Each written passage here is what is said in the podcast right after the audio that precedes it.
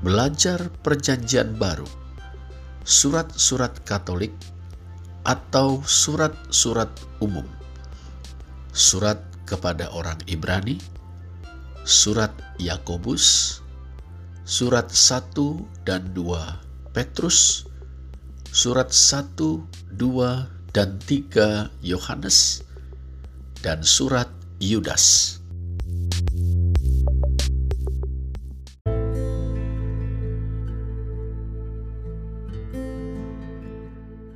Surat kepada orang Ibrani. Surat kepada orang Ibrani atau surat Ibrani bertujuan memberikan nasihat yang menekankan kesetiaan dalam perziarahan iman di bawah pimpinan Kristus. Seawal abad kedua Masehi, risalah yang memiliki kekuatan retorik yang luar biasa ini menyandang judul kepada orang Ibrani. Sebab isinya memberi kesan bahwa risalah ini ditujukan kepada orang Yahudi Kristen. Kendati nama pengarang tidak disebut, demikian juga sidang pembacanya Rujukan kepada Timotius dalam Ibrani 13 ayat 23 boleh jadi mengindikasikan hubungan risalah ini dengan lingkaran atau kalangan Paulus, Rasul, dan para pembantunya. Namun siapa persisnya pengarang dan sidang pembacanya memang telah lama menjadi perdebatan. Surat Ibrani tidak memiliki salutation atau salam pembuka yang mencantumkan nama penulis dan sidang pembaca yang dituju. Tapi surat ini memiliki sebuah doksologia dan salam di bagian akhirnya.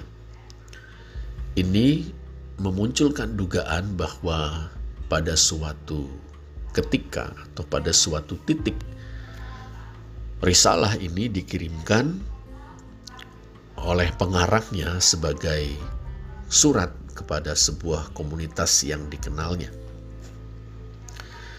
Di dalam surat Ibrani terdapat sekian banyak admonitions, ya, peringatan, teguran dan nasihat yang ditujukan kepada kalangan pembaca tertentu serta beberapa admonitions kepada gereja secara umum.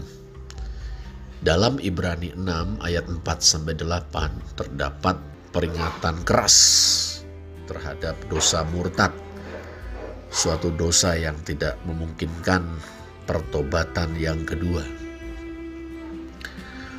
Surat Ibrani lebih merupakan sebuah risalah teologis daripada surat Pengarang sendiri menyebutkan atau menyebut risalahnya kata-kata nasihat atau hologostes paraklesios. Hologostes paraklesios. Dalam Ibrani 13 ayat 22 ungkapan hologostes paraklesios mengingatkan kita pada logos paraklesios. Logos paraklesios yakni khotbah pewartaan Injil yang disampaikan oleh Rasul Paulus di sebuah sinagoge di Antioquia, Pisidia. Dalam kisah para rasul 13 ayat 15, kemudian ayat 16 sampai 41. Paraklesis memiliki banyak arti. Paraklesis adalah bentuk nominatifnya, sedangkan paraklesios adalah bentuk genetifnya. Paraklesi sendiri memiliki banyak arti ya, penghiburan, nasihat, pembelaan, bahkan syafaat. Atas dasar itu, sangat boleh jadi surat Ibrani merupakan suatu khotbah yang dituliskan yang kemudian diberi epistolary ending atau akhiran surat, akhiran sebuah surat oleh pengarangnya sebagaimana kita temukan dalam Ibrani 13 ayat 22 sampai 25. Jadi khotbah yang dituliskan menjadi risalah yang kemudian diberi akhiran sebuah surat atau epistolary ending. Demikian surat Ibrani. Pemikiran, metafora-metafora, dan idea-idea yang disajikan dalam surat Ibrani memang berbeda secara khas dari tulisan-tulisan perjanjian baru lainnya. Yang paling mirip dengannya adalah khotbah Stefanus dalam kisah Rasul 7 ayat 2 sampai 53. Stefanus ini seorang pengikut Kristus berlatar belakang Yahudi Helenistik atau Yahudi di luar Palestina. Nah, dalam surat Ibrani, pengarang berupaya membuktikan keunggulan dan finalitas pewahyuan Allah dalam Kristus serta persembahan dirinya sebagai korban yang sempurna satu kali untuk selamanya. Keunggulan dan finalitas itu menyempurnakan dan mengakhiri segala pewahyuan. Pengarang menilai sidang pembacanya sedang dibayang-bayangi oleh godaan untuk murtad dari iman Kristen. Bahaya ini tidak terutama disebabkan dari luar, yaitu penganiayaan, melainkan dari dalam utamanya. Entah berapa lama Para pembaca ini telah kehilangan semangat untuk hidup sesuai dengan iman Kristen. Kini mereka bersikap masa bodoh terhadap panggilan iman yang dulu telah mereka terima. Kita bisa melihat indikasinya dalam Ibrani 2 ayat 1, 4 ayat 14, 6 ayat 1 sampai 12, dan 10 ayat 23 sampai 32. Nah, tema utama yang diuraikan oleh pengarang adalah imamat dan pengorbanan Kristus. Bisa kita baca dalam Ibrani 3 ayat 10. Tema ini dikembangkan dalam rangka memulihkan semangat dan meneguhkan iman sidang pembaca. Tema penting lainnya adalah perziarahan umat Allah ke Yerusalem surgawi. Ibrani 11 ayat 10, 12 ayat 1 sampai 3, dilanjutkan dengan ayat 18 sampai 29 dan 13 ayat 14. Tema ini erat terkait dengan tema pelayanan Yesus dalam tempat suci surgawi. Ibrani 9 ayat 11 sampai 10 ayat 22. Nah, pengarang mulai dengan mengingatkan sidang pembaca tentang praeksistensi, inkarnasi, dan peninggian Yesus mulai di Ibrani 1 ayat 3 praeksistensi, inkarnasi dan peninggian Yesus. Semuanya itu mewartakan bahwa Yesus adalah puncak pewahyuan Allah kepada umat manusia. Ibrani 1 ayat 1 sampai 3. Pengarang menulis agak panjang lebar tentang martabat pribadi Yesus yang mengungguli para malaikat. Ibrani 1 ayat 4 sampai 2 ayat 2. Yesus adalah firman Allah yang final yang mengakhiri sekaligus menyempurnakan seluruh rangkaian pewahyuan ilahi. Firman itu dinyatakan tidak saja melalui perkataan, tapi juga melalui penderitaan insaniah yang dialami Yesus. Sama seperti manusia-manusia yang lain. Ibrani 2 ayat 5 sampai 16. Firman itu kemudian diwartakan oleh para saksi yang terpercaya Ibrani 2 ayat 3 sampai 4. Jalan keselamatan ini melampaui pola yang dikenal oleh Musa. Kendati ia adalah seorang nabi yang setia kepada firman Allah. Sebab Yesus sebagai imam besar telah menebus dosa, setia kepada Allah dengan kesetiaan seorang anak. Ibrani 2 ayat 17 sampai 3 ayat 6. Ketidaksetiaan umat Israel di masa silam telah merintangi upaya Musa untuk menyelamatkan mereka. Begitu pula ketidaksetiaan orang Kristen masa kini dapat menghalangi rencana Allah dalam Kristus bagi mereka. 3 ayat 6 sampai 4 ayat 13. Orang Kristen perlu merenungkan bahwa Yesus telah menjadi manusia dan merasakan ikut merasakan segala kelemahannya. Satu hal saja yang membedakan Yesus dari kita yaitu bahwa Yesus tidak berdosa.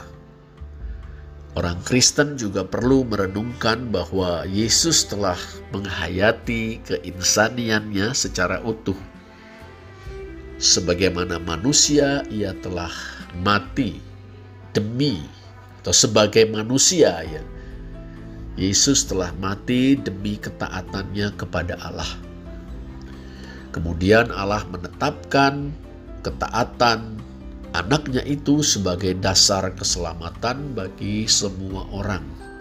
Ibrani 4 ayat 14 sampai 5 ayat 10. Meskipun orang Kristen memahami ajaran yang sangat mendasar ini, mungkin mereka telah mengabaikannya, tidak mempedulikan implikasi-implikasinya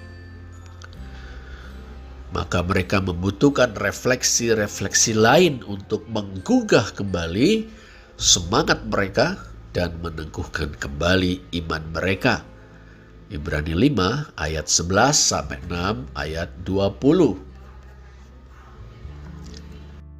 Atas dasar itu, sang pengarang menyajikan kepada sidang pembaca imamat kekal Kristus atau imamat Kristus yang kekal. Ibrani 7 ayat 1 sampai 28. Imamat tersebut menggenapi janji perjanjian lama. Ibrani 8 ayat 1 sampai 13. Imamat Kristus juga memberikan makna asasi yang dimaksudkan Allah dalam kurban-kurban perjanjian lama Ibrani 9 ayat 1 sampai 28.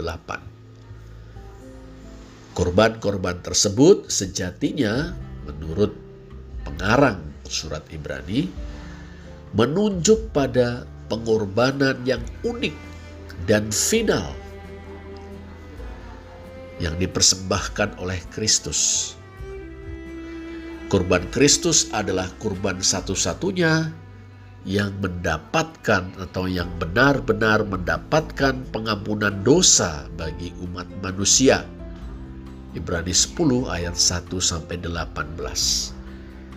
Ujian iman yang dialami pembaca harus diatasi dengan mengerahkan pikiran kepada pelayanan Kristus di tempat suci sorgawi serta syafaatnya yang terus menerus yang disampaikannya kepada Allah di sana demi kepentingan umatnya. Ibrani 7 ayat 25, 8 ayat 1 sampai 13.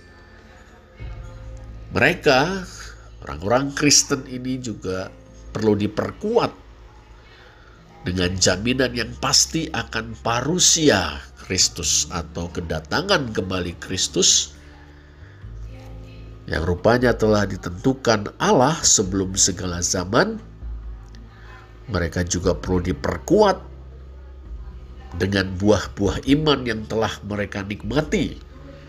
Ibrani 10 ayat 19 sampai 39.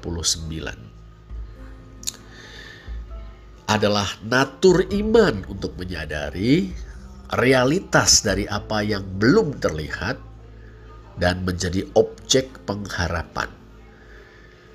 Ibrani 11 ayat 1 mengatakan iman adalah dasar dari segala sesuatu yang kita harapkan dan bukti dari segala sesuatu yang tidak kita lihat. Orang-orang kudus perjanjian lama memberikan contoh atau teladan yang mengesankan tentang iman tersebut. Kita bisa baca di Ibrani 11, ketabahan dan ketekunan yang begitu diharapkan pengarang terbentuk dalam kehidupan pembacanya, dipaparkannya, dijabarkannya, dibentangkannya dalam kehidupan Yesus semasa di dunia ini. Kendati kesukaran-kesukaran yang timbul dalam pelayanannya, serta ujian tertinggi berupa penderitaan dan kematiannya, Yesus tetap yakin akan kemuliaan yang telah disediakan Allah baginya. Ibrani 12 ayat 1 sampai 3. Kesulitan-kesulitan hidup manusia menjadi bermakna ketika diterima sebagai cara Allah mendisiplinkannya, mendisiplinkan kita anak-anaknya. Ibrani 12 ayat 4 sampai 13. Bila orang Kristen bertekun dalam kesetiaan kepada firman yang telah mereka terima dan imani, mereka dijamin memiliki selamanya kerajaan Allah yang tidak tergoncangkan. Ibrani 12 ayat 14 sampai 29.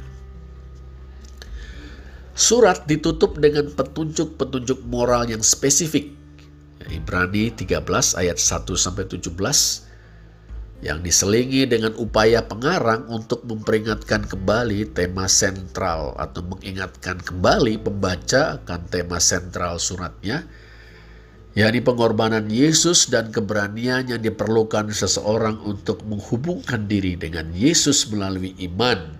Ibrani 13 ayat 9 sampai 16. Nah, sedini akhir abad kedua, gereja Alexandria di Mesir telah menerima surat Ibrani sebagai surat Paulus. Dan itu menjadi pandangan yang lazim dianut di gereja timur. Kepengarangan Paulus dikritisi di barat pada abad keempat, namun kemudian diterima. Pada abad ke-16, keraguan tentang posisi tersebut muncul kembali dan konsensus modern adalah surat Ibrani bukan ditulis oleh Rasul Paulus. Namun tidak ada kesepakatan tentang siapa penulis selain Rasul Paulus. Apakah misalnya Barnabas, Apolos, atau Priska alias Priskila dan Aquila. Surat Ibrani sendiri tidak berkata apa-apa tentang siapa pengarangnya. Di antara berbagai alasan mengapa kepengarangan Paulus ditolak adalah perbedaan yang besar dalam kosa kata dan gaya antara surat Ibrani dan surat-surat Paulus. Silih berganti, penyajian ajaran atau doktrin dan nasihat moral, cara yang berbeda dalam mengutip perjanjian lama, dan kemiripan antara pemikiran surat Ibrani dan pemikiran Yudaisme Alexandria, khususnya berkenaan dengan dualisme antara bayangan dan kenyataan atau realitas. Bahasa Yunani dalam surat Ibrani terbilang yang terbaik dalam Perjanjian Baru. Surat Clemens dari Roma yang ditujukan kepada orang Korintus ditulis sekitar tahun 96 Masehi. Dan sangat mungkin surat ini mengutip surat Ibrani. Oleh karena itu batas atas atau batas akhir bagi tahun penulisan surat Ibrani hampir bisa dipastikan sekitar 96 atau sebelumnya. Kendati rujukan-rujukan surat Ibrani mengambil bentuk present tense, merujuk pada ibadat kurban perjanjian lama,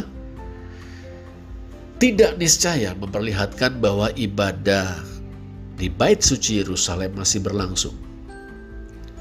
Banyak penafsir yang lebih lama dan semakin banyak penafsir masa kini mendukung pandangan bahwa ibadah di Bait Suci Yerusalem masih berlangsung saat penulisan surat Ibrani dan bahwa surat Ibrani ditulis sebelum keruntuhan Bait Suci Yerusalem pada tahun 70 Masehi.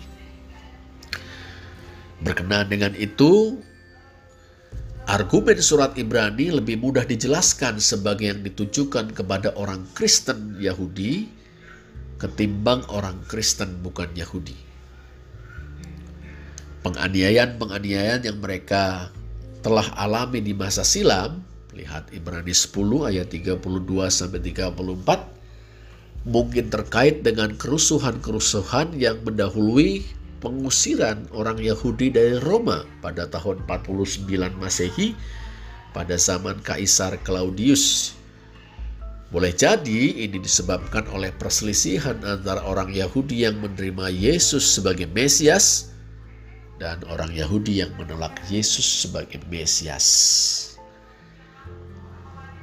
Garis besar surat Ibrani sebagai berikut ada bagian introduksi di pasal 1 ayat 1 sampai 4. Kemudian bagian yang berbicara tentang anak yang lebih tinggi daripada para malaikat ya 1 ayat 5 sampai 2 ayat 18 kemudian bagian yang berbicara tentang Yesus sebagai imam besar yang setia dan berbelas kasihan atau berbela rasa dengan kita manusia berdosa Ibrani 3 ayat 1 sampai 5 ayat 10 Kemudian bagian berikutnya imamat yang kekal dan kurban yang kekal.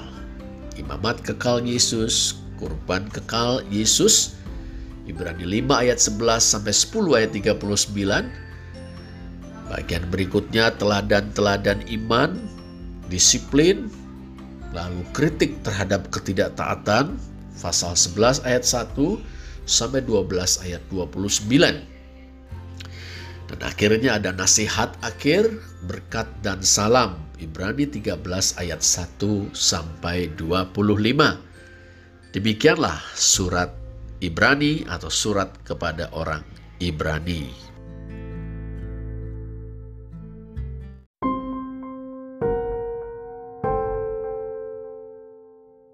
Surat Yakobus Sosok yang menyebut dirinya sebagai penulis surat Yakobus kemungkinan besar bukan salah satu dari dua orang murid Tuhan Yesus yang bernama Yakobus.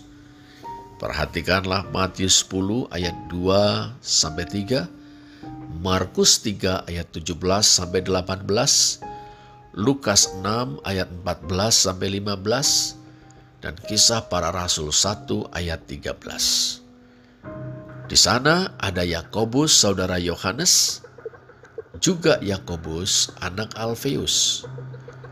Menurut kisah para rasul 12 ayat 1, Yakobus saudara Yohanes telah gugur sebagai martir dibunuh atas perintah Herodes.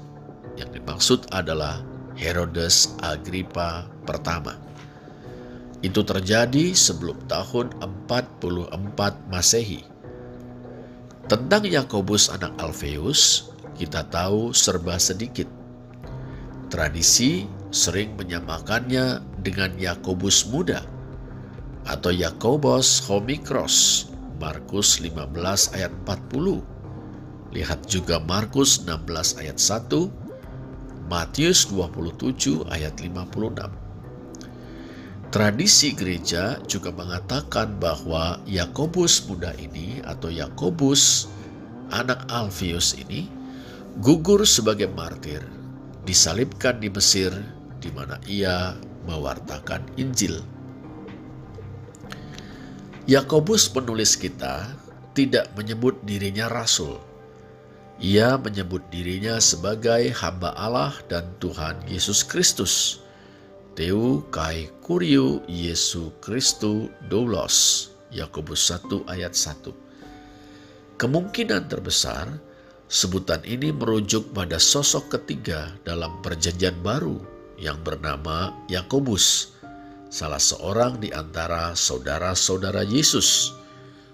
Lihat Matius 13 ayat 55, Markus 6 ayat 3. Yakobus adalah pemimpin jemaat Kristen Yahudi di Yerusalem.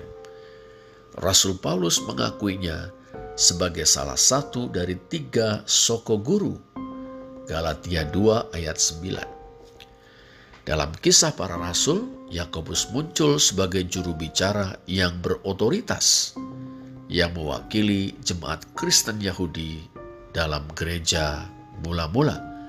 Kisah para rasul 12 ayat 17, 15 ayat 13 sampai 21. Menurut sejarawan Yahudi Josephus dalam buku Antiquities Yakobus dirajam sampai mati oleh orang Yahudi atas perintah imam besar Ananus. Itu terjadi pada tahun 62 Masehi. Surat Yakobus ditujukan kepada kedua belas suku di perantauan. Tais Dodeka Fulais, Tais Ente Diaspora, Yakobus 1 ayat 1. Dalam perjanjian lama, istilah 12 suku merupakan sebutan kepada umat Israel. Perantauan atau diaspora merujuk pada orang Yahudi non-Palestina yang telah bermukim di seluruh dunia Yunani Romawi. Lihat indikasi tentang hal ini dalam Yohanes 7 ayat 35. Karena dalam pemikiran Kristen, gereja adalah Israel yang baru, sebutan ini kemungkinan besar merujuk pada jemaat-jemaat Kristen Yahudi yang berlokasi di Palestina, Syria, dan di lain-lain tempat.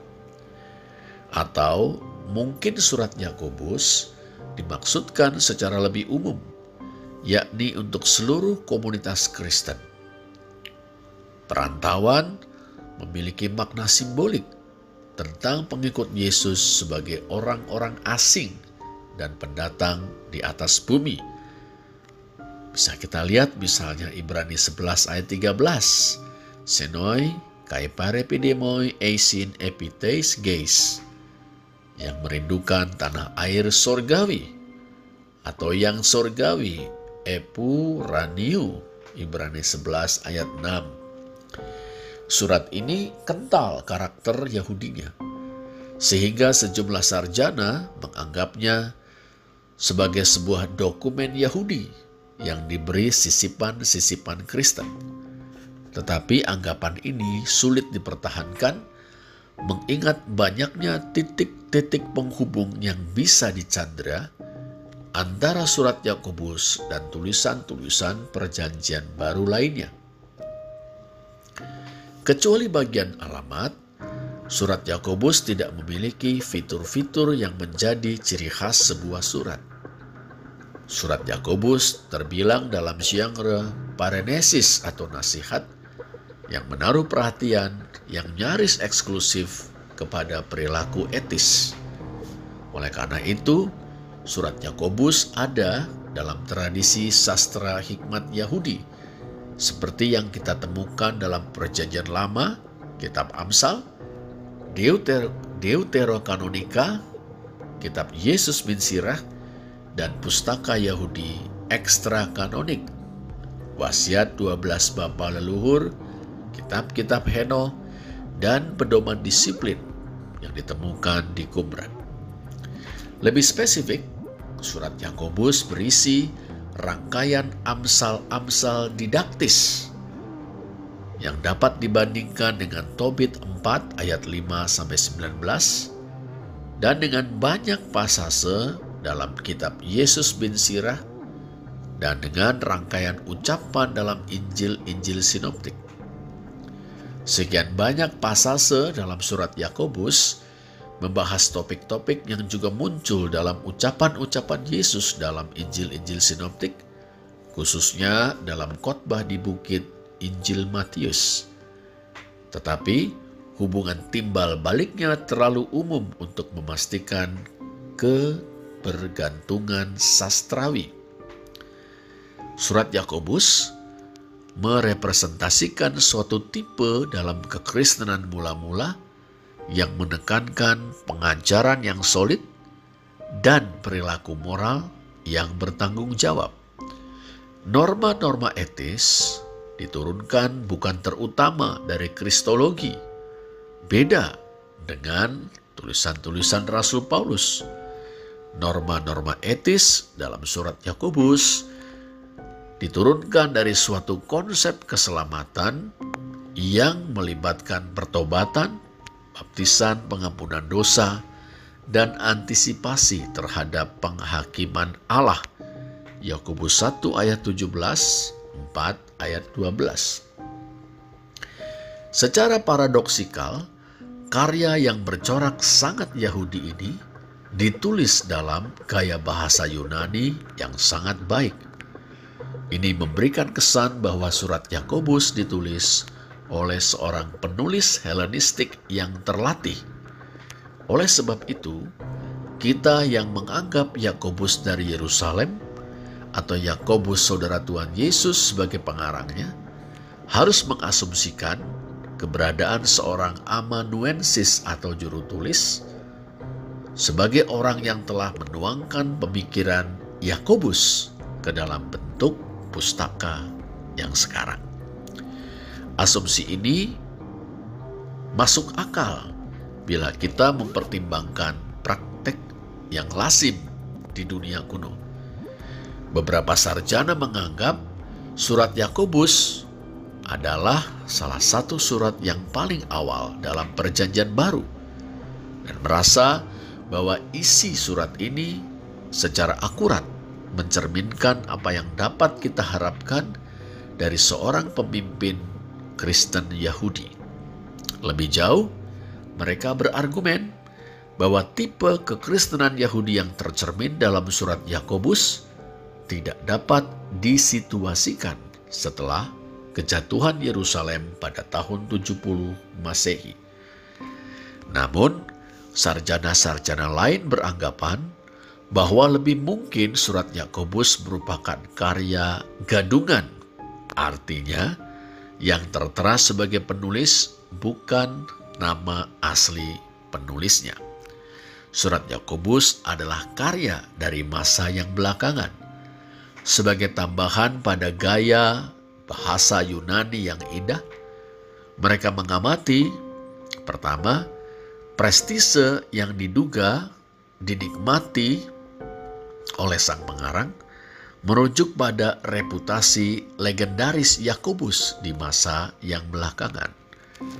Kedua, diskusi tentang nilai penting dari perbuatan-perbuatan baik nampaknya mengandaikan sebuah perdebatan setelah zaman Rasul Paulus. Ketiga, pengarang tidak bersandar pada perintah-perintah dari hukum Musa, sebagaimana kita harapkan dari Yakobus historis, yang dikenal sebagai Yakobus orang benar atau Yakobus yang taat pada Taurat, sebagaimana kita temukan informasinya dalam karya Josephus Jewish Antiquities. Keempat, surat Yakobus tidak memuat rujukan-rujukan tentang sejarah Yakobus dan hubungannya dengan Yesus atau dengan jemaat Kristen mula-mula di Yerusalem. Karena alasan-alasan ini, banyak penafsir masa kini menempatkan surat Yakobus dalam periode penulisan tahun 90 antara tahun 90 sampai 100 Masehi. Garis besar surat Yakobus alamat 1 ayat 1 nilai ujian dan pencobaan 1 ayat 2 sampai 18 Nasihat dan peringatan 1 ayat 19 sampai 5 ayat 12. Kuasa doa pasal 5 ayat 13 sampai 20. Perdebatan tentang bagaimana pernyataan Yakobus iman tanpa perbuatan adalah mati dibandingkan dengan pembenaran melalui iman tanpa perbuatannya Rasul Paulus memiliki sejarah yang panjang. Perdebatan ini biasanya mengabaikan fakta sederhana bahwa Rasul Paulus berkata-kata tentang perbuatan-perbuatan hukum Taurat yang merujuk pada perbuatan-perbuatan yang memisahkan orang Yahudi dari orang bukan Yahudi. Misalnya, sunat dan hukum-hukum tentang makanan. Di lain pihak, Yakobus merujuk pada perbuatan-perbuatan welas asih. Jadi, pernyataan Yakobus dan pernyataan Rasul Paulus tidak bertentangan karena menjawab isu-isu berbeda. Bahkan Rasul Paulus menyebut tindakan saling dukung atau saling membantu di antara saudara-saudara dalam Kristus dengan sebutan yang agung yaitu hukum Kristus, honomos tu Kristus Galatia 6 ayat 2. Ini sama dengan hukum utama atau hukum rajawinya Yakobus. Nomos Basilikos. Yakobus 2 ayat 8. Dalam kenyataannya, seperti halnya Rasul Paulus, Yakobus menegaskan bahwa yang terpenting adalah iman yang bekerja melalui kasih. Yakobus 2 ayat 14 sampai 26 yang bisa dibandingkan dengan Galatia 5 ayat 6 dan 1 Korintus 13. Gaya bahasa Paulinis mungkin tidak terpikirkan oleh Yakobus atau tidak ada dalam benak penulis ini. Dalam Yakobus 2 misalnya, teladan iman Abraham digunakan untuk memperlihatkan pembenaran oleh perbuatan-perbuatan baik. Perlu dicatat bahwa Rasul Paulus juga menggunakan Abraham sebagai model untuk mendemonstrasikan pembenaran melalui iman dalam Roma 4. Masing-masing yaitu Yakobus 2 dan Roma 4 memperlihatkan perbedaan dalam tujuan dan latar belakang dari kedua surat tersebut. Dengan kata lain, tidak ada kontradiksi di antara Rasul Paulus dan Yakobus. Yakobus mendesak orang Kristen untuk bersikap rendah hati, cinta damai, dan berhati lembut, meninggalkan kesombongan, kedengkian, sifat ambisius dan suka menghakimi. 3 ayat 13 sampai 18, 4 ayat 2, 6, 10 sampai 12. Yakobus memperingatkan mereka tentang bahaya penyalahgunaan lidah. Ia mendesak mereka untuk mengendalikan lidah dan menggunakannya untuk mengatakan hal-hal yang baik. 1 ayat 26, 3 ayat 2 sampai 12. Boleh kita bandingkan dengan sabda Tuhan Yesus dalam Markus 7 ayat 14 sampai 23. Serupa dengan itu, Yakobus memperingatkan bahwa hasrat atau hawa nafsu bila tidak dikekang bermuara pada dosa, pertengkaran, bahkan maut. 1 ayat 14, 15, 4 ayat 1 sampai 3. Orang Kristen harus menjaga diri mereka dari persahabatan dengan dunia atau hefilia tu kosmo 4 ayat 4. Bisa kita bandingkan dengan nasihat Yohanes dalam 1 Yohanes 2 ayat 15 sampai 17. Tetapi ini bukan berarti menjadi acuh tak acuh dengan mereka yang membutuhkan pertolongan.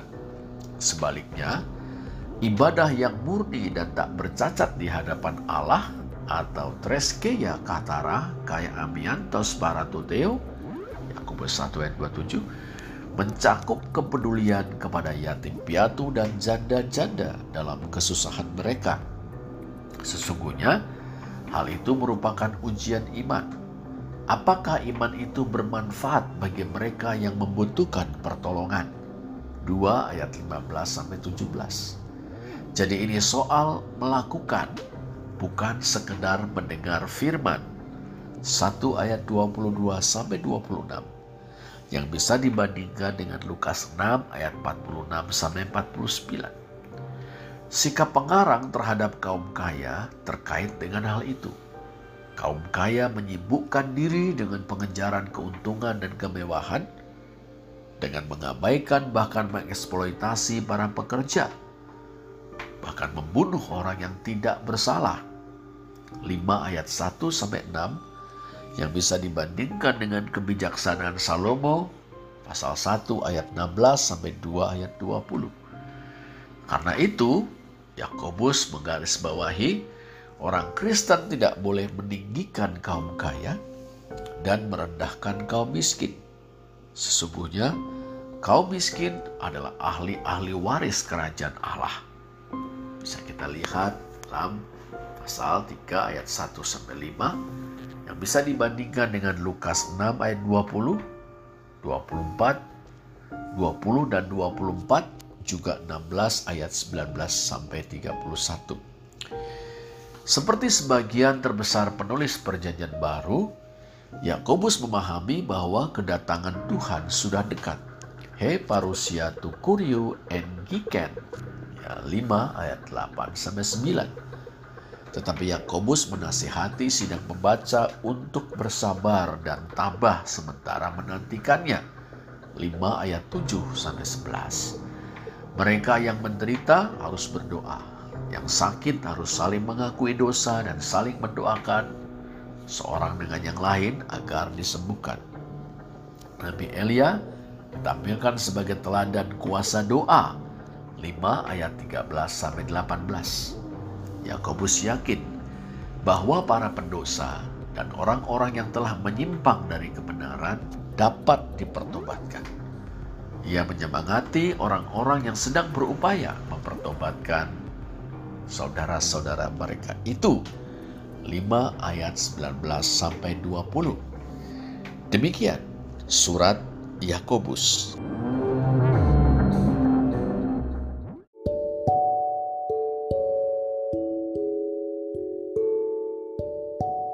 Surat 1 Petrus Penulis atau pengarang surat 1 Petrus menyebut dirinya Petrus, seorang rasul Yesus Kristus. Pasal 1 ayat 1. Ia menyampaikan salam dari jemaat di Babylon yang biasa diartikan sebagai Roma Lihat pasal 5 ayat 13.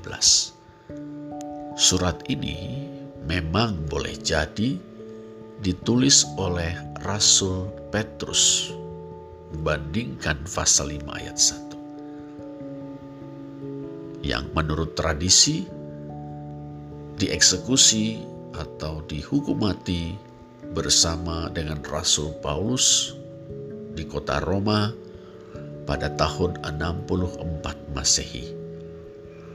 Namun, banyak penafsir beranggapan bahwa lebih mungkin surat 1 Petrus ditulis belakangan oleh seorang Kristen yang lain.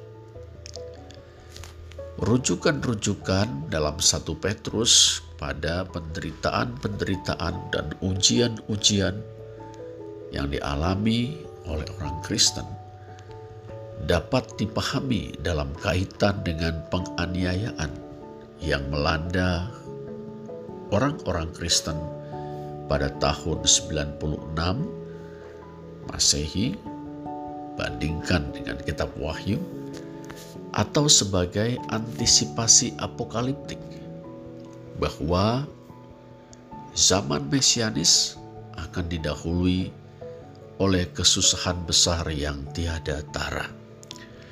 Bandingkan Daniel 12 ayat 1, Markus 13 ayat 7 sampai 23. Pengarang surat 1 Petrus mengikuti format surat-surat Paulus. Ia menyapa sidang pembaca sebagai orang-orang pendatang yang tersebar. Bandingkan Yakobus 1 ayat 1. Sidang pembaca terdiri dari umat Kristen di sejumlah provinsi Romawi di Asia Kecil.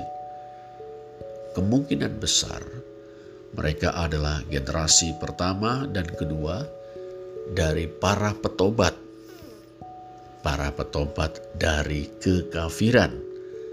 1 ayat 14 dan 18. Ketika penulis surat atau pengarang surat menyebut bangsa-bangsa yang tidak mengenal Allah atau dalam bahasa Ibrani hoi ethnoi agaknya yang ia maksud adalah orang-orang yang tidak atau belum percaya kepada Tuhan Yesus alias orang-orang bukan Kristen. Perhatikan 2 ayat 12, 4 ayat 3. Pengarang surat 1 Petrus ingin mendorong umat Kristen itu tetap teguh kendati ujian-ujian yang sedang atau mungkin harus mereka alami atau hadapi. Perhatikan 1 ayat 6 dan 7, 3 ayat 14, 4 ayat 12 sampai 19 penderitaan dihubungkan dengan rancangan-rancangan jahat iblis. Pasal 5 ayat 8 sampai 9 bandingkan dengan bagian dalam doa Bapa kami Matius 6 ayat 13. Jadi penderitaan tidak dihubungkan dengan penganiayaan Romawi. Sidang pembaca diminta untuk menghormati kaisar 2 ayat 17. Bandingkan dengan Roma 13 ayat 1 sampai 7. Seperti kebanyakan pengarang perjanjian baru, 1 Petrus memperingatkan bahwa zaman yang sekarang ini akan segera berakhir. Lihat 1 ayat 13, 4 ayat 7. Dalam pada itu, umat Kristen harus hidup dengan bijak dan benar. Terutama sekali mereka harus saling mengasihi. 1 ayat 22, 2 ayat 16, 3 ayat 8. Bandingkan dengan Yohanes 13 ayat 34 sampai 35. Kasih menutupi banyak sekali dosa. Demikian dikatakan dalam pasal 4 ayat 8. Bandingkan dengan Yakobus 5 ayat 20. Seperti Rasul Paulus, pengarang satu Petrus memahami bahwa hidup yang baru yang bercirikan kasih itu dimungkinkan oleh kematian dan kebangkitan Kristus.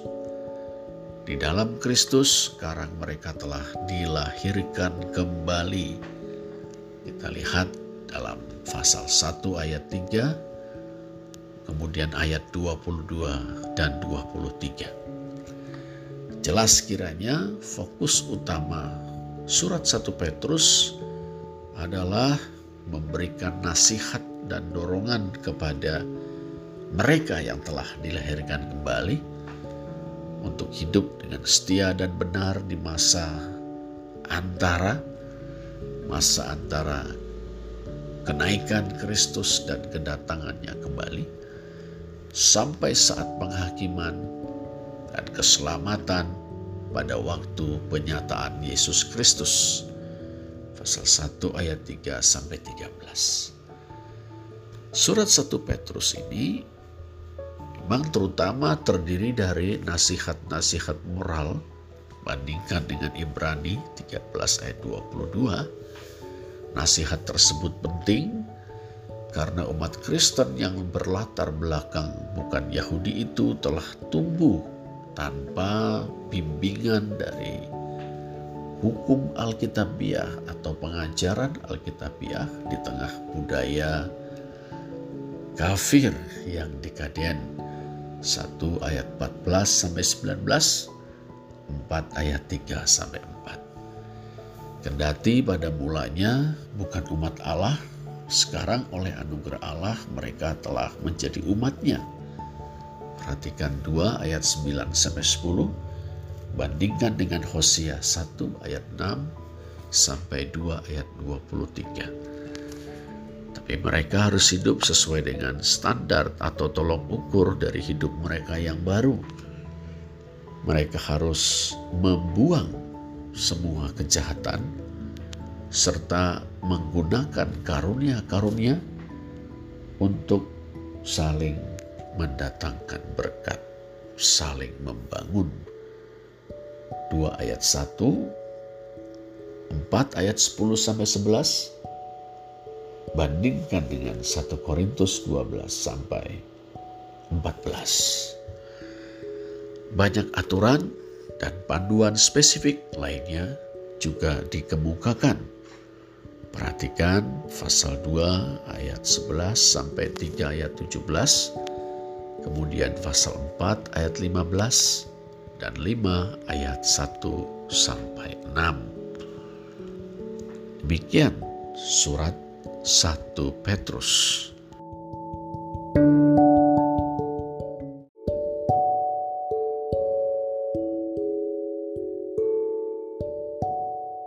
Surat 2 Petrus. Meskipun penulis atau pengarang 2 Petrus menyebut dirinya Simon Petrus, hamba dan rasul Yesus Kristus pasal 1 ayat 1 dan 18 pada umumnya disepakati di kalangan sarjana kritis perjanjian baru bahwa surat ini ditulis setelah masa Rasul Petrus sendiri. Selambat-lambatnya sekitar tahun 140 Masehi.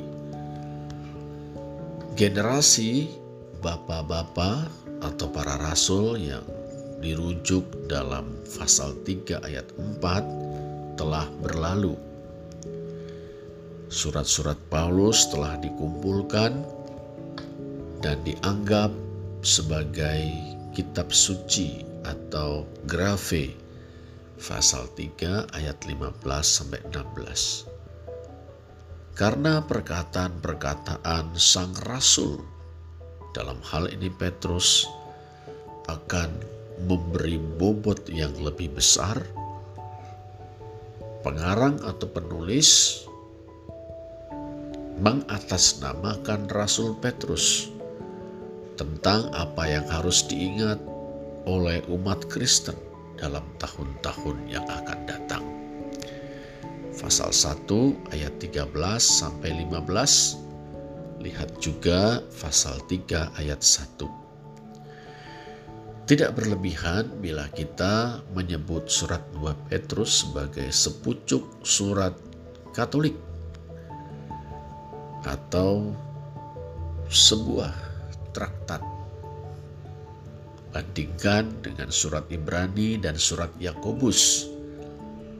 Surat yang ditulis bagi semua orang Kristen ketimbang atau alih-alih untuk suatu jemaat tertentu. Surat 2 Petrus ini berisi tiga pokok yang saling terkait. Pertama, Orang Kristen harus menjalani kehidupan yang saleh, yang melengkapi iman mereka dengan keutamaan, sehingga mereka dapat benar-benar masuk ke dalam kerajaan Kristus. Perhatikan pasal 1 ayat 3 sampai 11 Perhatikan juga pasal 3 ayat 11 dan 14. Yang kedua, orang Kristen harus mewaspadai nabi-nabi tetiron dan guru-guru palsu yang melakukan penyesatan dan menggoda kaum beriman dengan kebejatan moral. Perhatikan pasal 1 ayat 16 sampai 2 ayat 22. Ketiga, penulis atau pengarang menjelaskan mengapa kedatangan Kristus yang dijanjikan itu belum terjadi.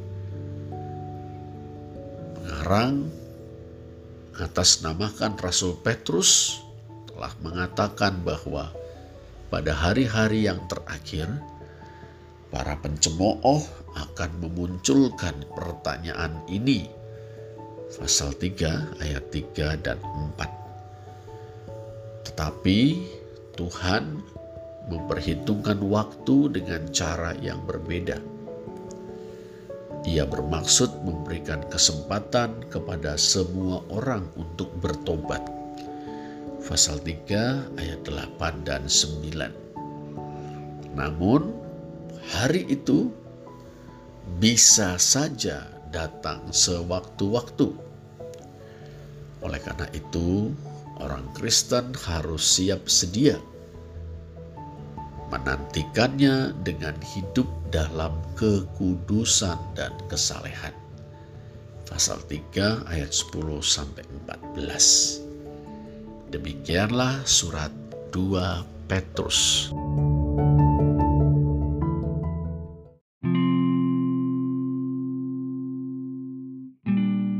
Surat 1 Yohanes Dalam surat 1 Yohanes kita berjumpa dengan sebuah risalah bagi semua orang Kristen ketimbang sepucuk surat bagi suatu jemaat atau gereja tertentu. Satu Yohanes menurut penulisnya berisi berita atau pesan yang sedang ia wartakan kepada para pemimpin Kristen. Lihat pasal 1 ayat 3, ayat 5, dan pasal 5 ayat 13.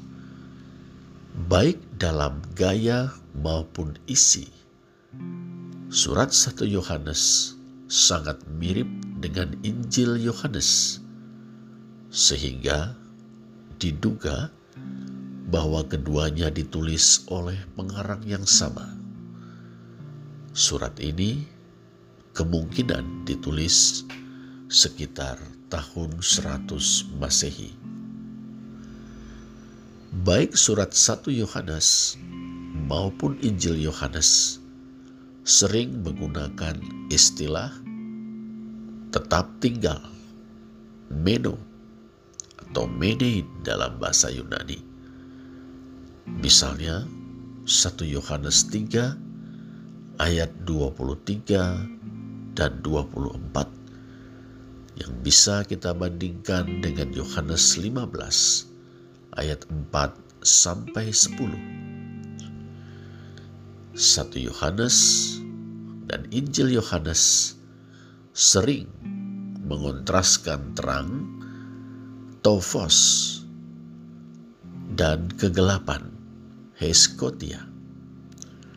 Lihat misalnya Injil Yohanes 1 ayat 4 sampai 9, 8 ayat 12, 12 ayat 35, 36 dan 46 yang bisa kita bandingkan dengan 1 Yohanes 1 ayat 5 serta 2 ayat 8 sampai 11. Injil Yohanes dan surat 1 Yohanes juga menggarisbawahi karakter yang ambigu dari dunia atau hokosmos. Keduanya juga sering merujuk pada kebenaran atau hei aletheia dan hidup yang kekal atau zoe aionia Keduanya menekankan perintah untuk saling mengasihi. Kita lihat Yohanes 15 ayat 12 sampai 17 dan 1 Yohanes pasal 2 ayat 7 sampai 10. Keduanya juga menegaskan bahwa Yesus sungguh-sungguh manusia. Yohanes 1 ayat 12 dan 1 Yohanes 4 ayat 2 sampai 3. Jelas keduanya menentang bid'ah doketisme. Ajaran yang menyatakan bahwa Yesus Kristus hanya kelihatannya saja manusia, tapi bukan sungguh-sungguh manusia. Maksud yang mendasar dari 1 Yohanes adalah mendesak orang Kristen untuk berpegang teguh atau percaya kepada pesan pewartaan Kristen 1 ayat 5 dan untuk hidup sesuai dengan perintah kasih 3 ayat 23 beragam pengajaran sesat serta pengajar-pengajar sesat alias antikristus telah muncul dan memisahkan diri dari gereja. Para pengajar sesat menyangkal bahwa Yesus adalah Kristus. 2 ayat 18 sampai 23. Siapa pun yang menyangkal bahwa Yesus adalah Kristus, itulah pendusta 2 ayat 22. Jadi siapa pun yang mengaku mengenal Kristus tetapi tidak mematuhi perintah-perintahnya 2 ayat 4 tergolong pendusta maka jika ada yang berkata aku mengasihi Allah tetapi membenci saudaranya ia adalah seorang pendusta. 4 ayat 20. Ujian kasih adalah apa pun yang mendorong seseorang untuk menolong saudaranya yang membutuhkan. 4 ayat 7 dan 8 serta 16. Mereka yang tinggal dalam kasih akan memiliki keyakinan untuk hari penghakiman 4 ayat 17 Penulis surat 1 Yohanes sangat prihatin terhadap kehidupan moral orang Kristen. Berulang kali ia mendesak mereka agar hidup sesuai dengan perintah Kristus untuk saling mengasihi. Mereka yang melakukan itu akan mengetahui dan memperlihatkan bahwa mereka adalah anak-anak Allah. 3 ayat 10 1 Yohanes berpandangan bahwa orang Kristen, yaitu mereka yang lahir dari Allah, tidak berbuat dosa. 3 ayat 4 sampai 9, 5 ayat 18.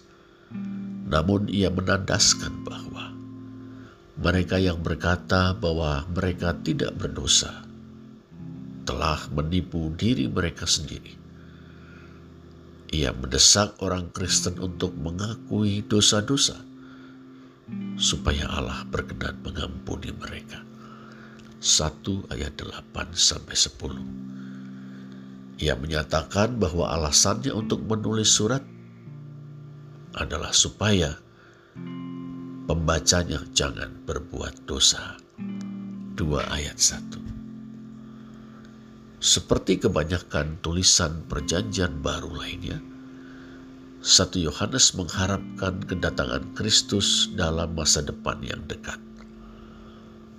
Menurut ajaran apokaliptik, antikristus akan datang terlebih dahulu Lihat misalnya Markus 13 ayat 21 sampai 23.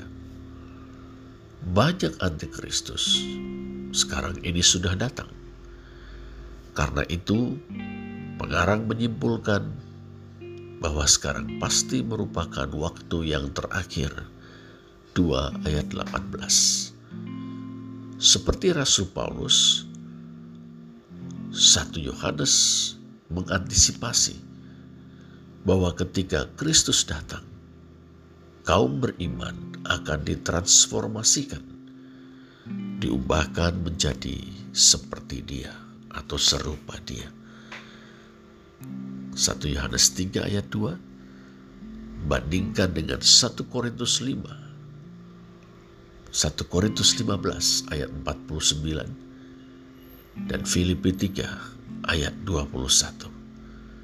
Dalam pada itu, mereka yang berpengharapan demikian harus hidup dalam kemurnian, hidup dalam kasih dan keadilan, menanggalkan dan meninggalkan dosa-dosa. 3 ayat 3 sampai 10 dan dunia 2 ayat 15 sampai 17 yang ada dalam kuasa. Si jahat. 5 ayat 19 demikianlah surat 1 Yohanes.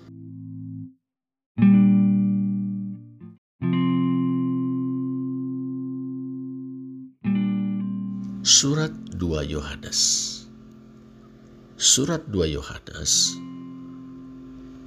adalah sepucuk surat yang dikatakan berasal dari penatua, presbyteros atau presbiter yang ditujukan atau dialamatkan kepada bunda yang terpilih dan anak-anaknya Istilah Yunani untuk gereja adalah eklesia. Istilah ini berkelamin kata feminin. Jelas, surat 2 Yohanes ditujukan kepada gereja atau jemaat Kristen beserta anggota-anggotanya. Mungkin pula bagi semua jemaat atau gereja Bandingkan dengan surat 1 Petrus dan surat Yakobus. Pengarang surat 2 Yohanes mungkin sama dengan pengarang surat 1 Yohanes kurang lebih tahun 100 Masehi. Atau mungkin juga seorang pemimpin gereja yang belakangan yang mungkin menulis berdekatan dengan waktu penulisan surat-surat pastoral semisal surat 1 Timotius. Seperti 1 Yohanes, surat 2 Yohanes ditujukan kepada mereka yang telah mengenal kebenaran. Yang berarti ajaran yang benar. Ayat 1 dan 4. Surat 2 Yohanes juga menggunakan istilah tetap tinggal, meno atau menin, tetapi dengan rujukan pada upaya mempertahankan ajaran atau doktrin yang benar. Ayat 9 bisa kita bandingkan dengan 1 Yohanes 4 ayat 16. Bahasa yang digunakan untuk mendesak pembaca agar memperhatikan dan mempraktekkan perintah kasih. Juga memberi kesan tentang hubungan sastra surat 2 Yohanes dengan surat 1 Yohanes. Lihat surat 2 Yohanes ayat 5 dan 6. Bandingkan dengan surat 1 Yohanes 2 ayat 7, 3 ayat 11, 5 ayat 13. Namun bagian salam ayat 3 mirip dengan salam Rasul Paulus.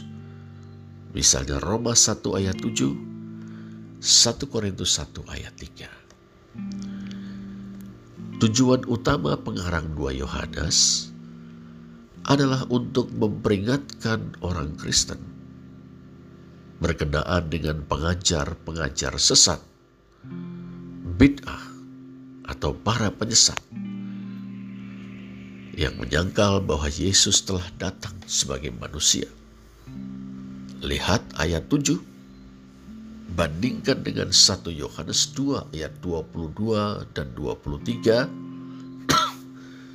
dan 4 ayat 2. Kaum doketis ini mengajar bahwa Yesus hanya kelihatannya saja hanya kelihatannya saja, kelihatan dokein sebagai manusia. Padahal bukan sungguh-sungguh manusia. Itulah doketisme. Seperti pengarang surat 2 Timotius dan surat Titus, pengarang menasihati para pembaca untuk berpegang pada kebenaran atau doktrin ajaran rasuli dan memperingatkan secara khusus untuk tidak beramah tamah dengan para penganut atau pengajar sesat macam itu. 2 Yohanes ayat 10 dan 11. Demikianlah surat 2 Yohanes. Surat 3 Yohanes sebagaimana dalam surat 2 Yohanes. Penulis atau pengarang surat 3 Yohanes menyebut dirinya sebagai penatua, presbyteros atau presbiter. Secara implisit, murid terkasih yang dihubungkan dengan penulisan Injil Yohanes dalam epilog Injil tersebut hidup hingga usia yang terbilang panjang. Lihat Yohanes 21 ayat 20 sampai 24. Penegasan bahwa kesaksian pengarang atau penulis Injil tersebut adalah benar nampaknya dimaksud untuk menghubungkannya dengan murid tersebut. Bandingkan Yohanes 21 ayat 24.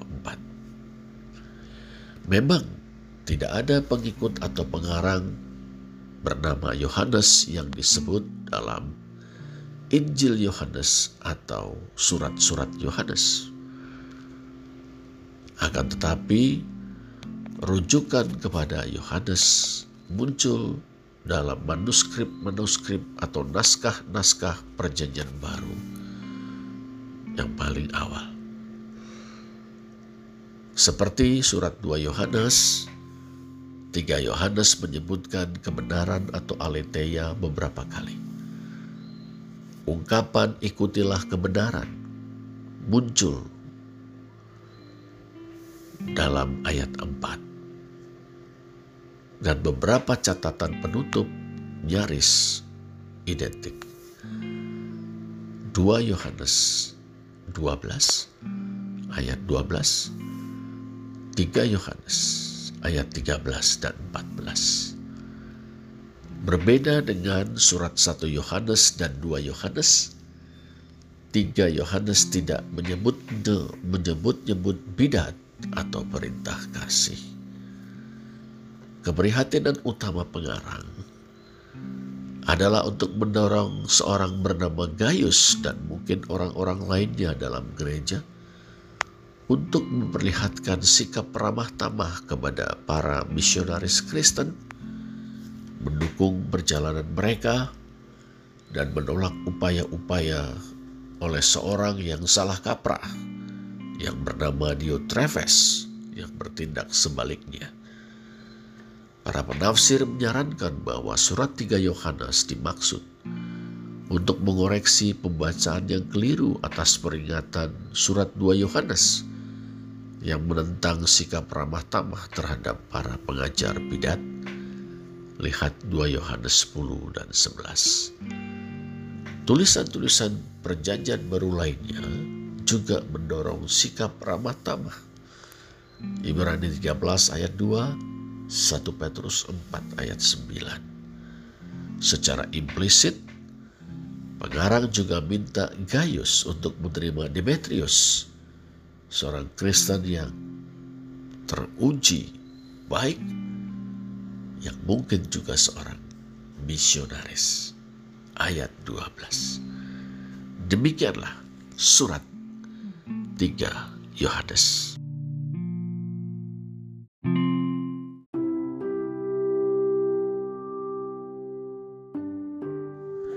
Surat Yudas. Penulis surat ini menyebut dirinya Yudas hamba Yesus Kristus dan saudara Yakobus. Yudas ayat 1. Karena ia tidak memperkenalkan dirinya sebagai seorang rasul, maka sebutan hamba Yesus Kristus atau Yesus Kristus Doulos tidak merujuk pada Yudas yang ada dalam daftar 12 murid Yesus. Dalam Lukas 6 ayat 16 kisah para rasul 1 ayat 13 bandingkan dengan Yohanes 14 ayat 22 sosok yang dimaksud adalah Yudas yang lain yang disebut dalam Injil-Injil sebagai salah seorang kerabat Yesus Lihat Matius 13 ayat 55, Markus 6 ayat 3. Dan Yakobus yang ditulis di sana sebagai saudaranya adalah sosok yang dianggap sebagai penulis surat Yakobus. Tidak ada lagi yang diketahui tentang Yudas ini. Keperluan untuk memperkenalkan diri dengan menyebut saudaranya yang lebih dikenal, yakni Yakobus, mengindikasikan bahwa ia merupakan sosok yang mungkin tidak begitu dikenal dalam gereja awal. Surat Yudas dialamatkan kepada mereka yang dipanggil, dikasihi dalam Allah Bapa, dan dipelihara untuk Yesus Kristus. Yudas ayat 1. Karena itu, agaknya surat ini ditujukan kepada seluruh umat Kristen. Tetapi tujuannya adalah untuk memperingatkan para pembacanya tentang guru-guru palsu. Karena itu, sang pengarang tentu berpikir tentang satu atau lebih komunitas Kristen yang lebih spesifik, yang berlokasi di kawasan-kawasan tertentu, di mana kesesatan-kesesatan yang ia persoalkan telah menjadi ancaman yang berbahaya. Kendati surat Yudas memuat sejumlah ciri semitik tidak ada indikasi bahwa surat ini ditujukan secara khusus kepada orang Yahudi Kristen. Kesesatan-kesesatan yang ia bicarakan nampaknya mencerminkan suatu bentuk awal dari gnostisisme yang menolak hukum, antinomianisme, libertinisme, yang lebih cocok dengan konteks budaya dunia non-Yahudi. Seperti surat-surat Yakobus dan dua Petrus, surat Yudas tidak memperlihatkan ciri-ciri yang khas dari sebuah surat, kecuali pada bagian kepala surat yang terdiri dari pengirim dan penerima surat serta ucapan salam. Ada banyak kemiripan antara surat Yudas dan surat 2 Petrus. Bandingkan Yudas ayat 3 sampai 8, ayat 10 sampai 13, ayat 17 dan 18 dengan 2 Petrus pasal 2 ayat 1 sampai 17 dan pasal 3 ayat 1 sampai 3. Tentu ada hubungan sastra di antara keduanya. Kita tidak memiliki bukti bahwa kedua pengarang surat itu menggunakan sumber yang sama. Karena itu, biasanya diduga bahwa salah seorang di antara mereka menjadi sumber bagi yang lain. Kebanyakan sarjana percaya bahwa surat Yudas ditulis lebih awal daripada surat 2 Petrus. Salah satu argumen yang dikemukakan adalah bahwa Yudas mengutip dua kitab apokrif Yahudi, yakni kenaikan Musa, Yudas ayat 9, dan kitab satu Henok, Yudas ayat 6, ayat 13 sampai 15. Di lain pihak, dua Petrus tidak mengutip rujukan-rujukan tersebut. Karena terdapat kontroversi dalam gereja awal tentang kepatutan mengutip kitab-kitab non-kanonik yang memuat bahan-bahan yang bersifat legenda, maka lebih besar kemungkinannya bahwa penulis yang belakangan menghindari rujukan-rujukan tersebut ketimbang menambahkannya.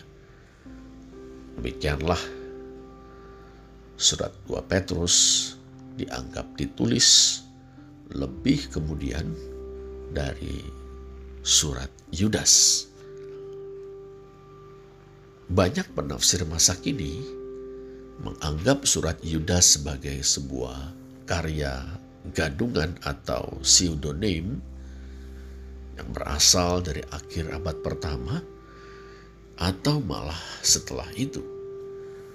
Untuk mendukung pandangan ini, mereka mengemukakan argumen-argumen berikut. Pertama, rasul-rasul dirujuk sebagai yang terbilang dalam satu zaman yang telah silam. Yudas 17 dan 18. Dua, iman dipahami sebagai batang tubuh atau serangkaian ajaran yang diturun alihkan melalui proses tradisi. Yudas ayat 3. Ketiga, gaya bahasa Yunani yang mahir dari sang pengarang memperlihatkan bahwa ia terdidik dalam lingkungan Helenistik. Dan keempat, karakter gnostik dari kesesatan-kesesatan yang ia bicarakan cocok dengan situasi permulaan abad kedua ketimbang dengan suatu kurun waktu beberapa dekade lebih awal. Kendati mengesankan, argumen-argumen ini tidak sepenuhnya meyakinkan dan tidak benar-benar menyingkirkan kemungkinan tentang penyusunan di sekitar tahun 80 Masehi ketika Yudas Historis mungkin masih hidup. Surat yang pendek ini berisi peringatan yang mendesak dari seorang pengarang yang semula ingin menulis panjang lebar tentang keselamatan pada komunitas-komunitas yang tidak kita kenal. Tetapi mengetahui bahwa para guru palsu telah menyelinap masuk ke dalam komunitas-komunitas itu dan membahayakan iman mereka – Yudas ayat 3 dan 4, ia merasa wajib untuk segera menyampaikan peringatan kepada mereka. Yudas ayat 5 sampai 16 dan memberikan beberapa nasihat Kristen yang sangat penting. Yudas ayat 17 sampai 23. Yudas mendesak mereka yang terpanggil, Yudas ayat 1, untuk membela atau mempertahankan iman yang telah disampaikan kepada para pendahulu mereka. Iman itu harus dipertahankan dari para penyesat yang telah menyusup ke dalam komunitas-komunitas Kristen seperti orang-orang fasik dan malaikat-malaikat yang ingkar di masa silam. Orang-orang yang duniawi dan tak bermoral ini pasti akan dihukum berat oleh Allah. Tetapi mereka yang dikasihi dalam Allah Bapa dan yang dipelihara untuk Yesus Kristus, Yudas ayat 1, harus mengukuhkan iman mereka yang paling suci dengan tetap tinggal dalam kasih Allah sambil menantikan rahmat Kristus. Yudas ayat 20 21. Surat ini ditutup dengan doksologi yang agung. Yudas ayat 24 dan 25. Boleh jadi doksologi ini berasal dari tata ibadah gereja awal. Bagi dia yang berkuasa menjaga, supaya jangan kamu tersandung dan yang membawa kamu dengan tak bernoda dan penuh kegembiraan di hadapan kemuliaannya. Allah yang esa, juru selamat kita oleh Yesus Kristus, Tuhan kita. Bagi dialah adalah kemuliaan, kebesaran, kekuatan dan kuasa sebelum segala abad dan sekarang dan sekarang dan sampai selama-lamanya. Amin. Demikianlah surat Yudas.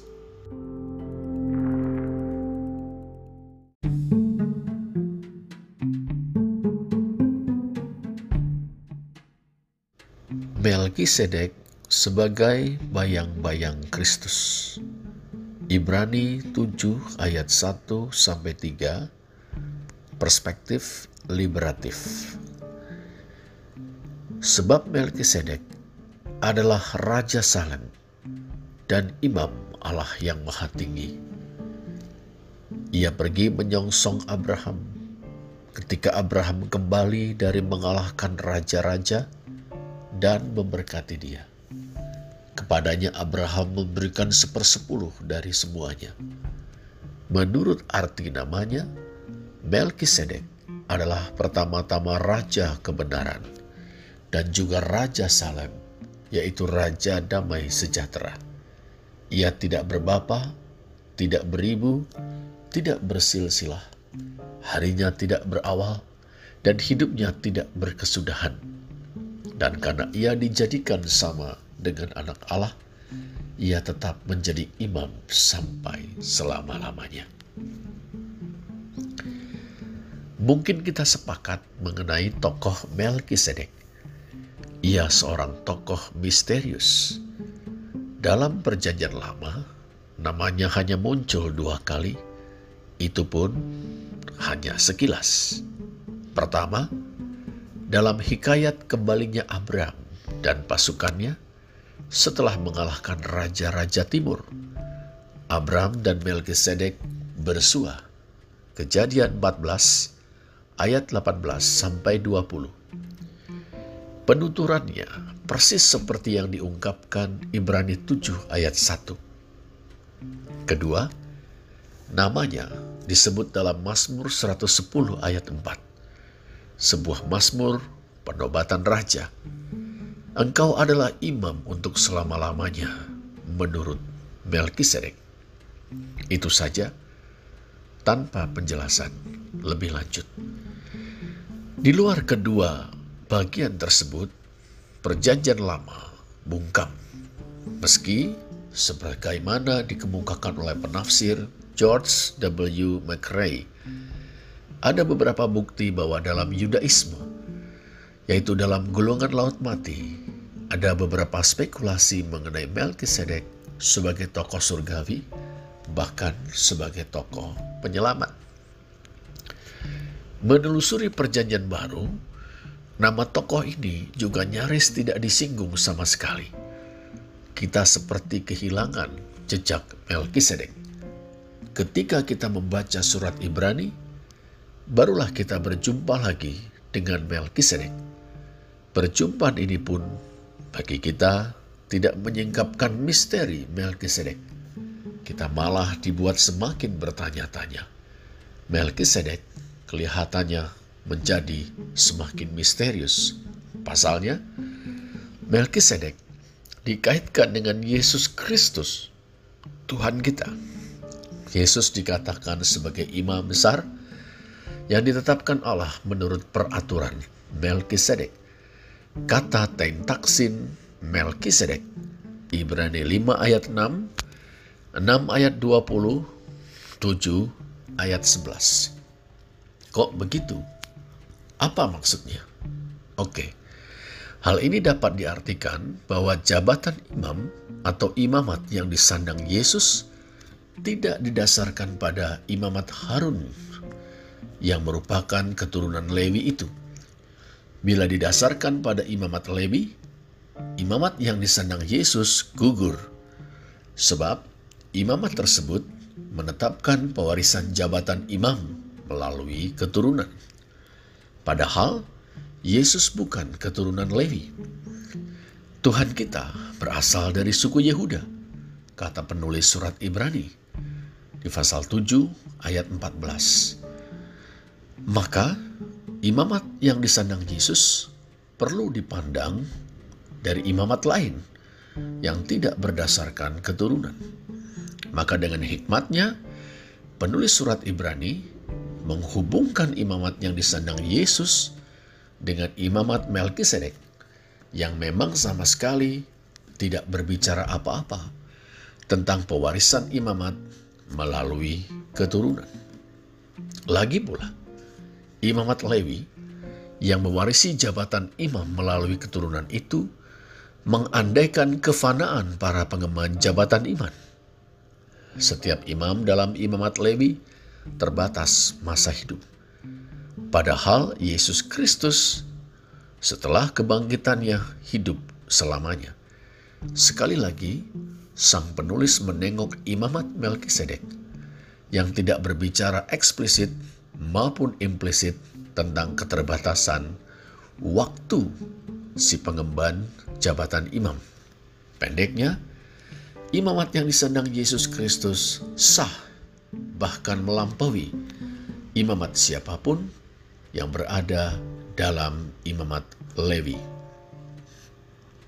Teofani, itulah kiranya yang dimaksudkan teolog pengarang surat Ibrani. Meski demikian, Melkisedek tetap misterius. Apalagi Ibrani 7 ayat 1 sampai 3 yang melukiskan Melkisedek sedemikian rupa dalam kesejajaran dengan Kristus. Lihat saja, ia disebut sebagai Raja Kebenaran, Raja Damai Sejahtera, tidak berbapa, tidak beribu, tidak bersilsilah, harinya tidak berawal, dan hidupnya tidak berkesudahan. Tak heran bila ada orang yang berpendapat bahwa Melkisedek merupakan teofani atau penampakan Kristus dalam Perjanjian Lama. Masalahnya, penuturan tentang Melkisedek dalam Kejadian 14 ayat 18 sampai 20 justru memberi kesan bahwa Melkisedek adalah tokoh bumiah, tokoh manusiawi. Ia adalah seorang imam El Elyon, Allah yang maha tinggi. Artinya, ia adalah seorang yang di samping sebagai raja, berprofesi melayani manusia, yaitu bangsa-bangsa penghuni tanah Kanaan, dalam pemujaan atau penyembahan kepada El Elyon alias Allah yang maha tinggi. Itu berarti ia tidak cuma muncul satu kali, kemudian lenyap pulang ke surga. Padahal Teofani alias penampakan ilahi, demikian menurut dogmatika, hanya muncul dalam waktu tertentu berbeda dengan inkarnasi. Dalam pada itu, kita tidak akan menganggap Melkisedek sebagai inkarnasi anak Allah, bukan? Sebab bukankah inkarnasi merupakan pewahyuan ilahi yang final? Seperti dikatakan oleh penulis surat Ibrani dalam mukadimah risalahnya. Setelah pada zaman dahulu Allah berulang kali dan dalam berbagai cara berbicara kepada nenek moyang kita dengan perantaraan nabi-nabi, maka pada zaman akhir ini ia telah berbicara kepada kita dengan perantaraan anaknya. Ibrani 1 ayat 1 dan 2. Jadi, Melkisedek bukan Teofani Kristus, bukan pula inkarnasi anak Allah. Bayang-bayang Kristus. Jadi bagaimana Melkisedek adalah Melkisedek. Menurut pendapat saya, tidak ada hubungan langsung antara Melkisedek dan Yesus Kristus. Hubungan yang sekarang dikemukakan oleh penulis surat Ibrani merupakan penafsiran berdasarkan penghayatan dan refleksinya atas pribadi Yesus sebagai Kristus Tuhan yang bangkit. Dalam terang penghayatan dan refleksi itu, ia menafsirkan makna sosok Melkisedek dalam kerangka sejarah keselamatan ilahi yang kristosentris. Di dalam sosok Melkisedek ditemukannya citra-citra tertentu yang secara sempurna mengejawantah dalam diri Yesus Kristus. Melkisedek dijadikan model bagi aspek tertentu dari diri Yesus Kristus. Atau katakanlah, Melkisedek adalah bayang-bayang Kristus. Bukankah pengarang surat Ibrani sendiri mengatakan, ia dijadikan sama dengan anak Allah. Dalam bahasa bahasa Yunani, afo moyomenos tohuyo teu, afo moyomenos tohuyo teu, yang dapat diterjemahkan secara harafiah, yang telah diserupakan dengan anak Allah.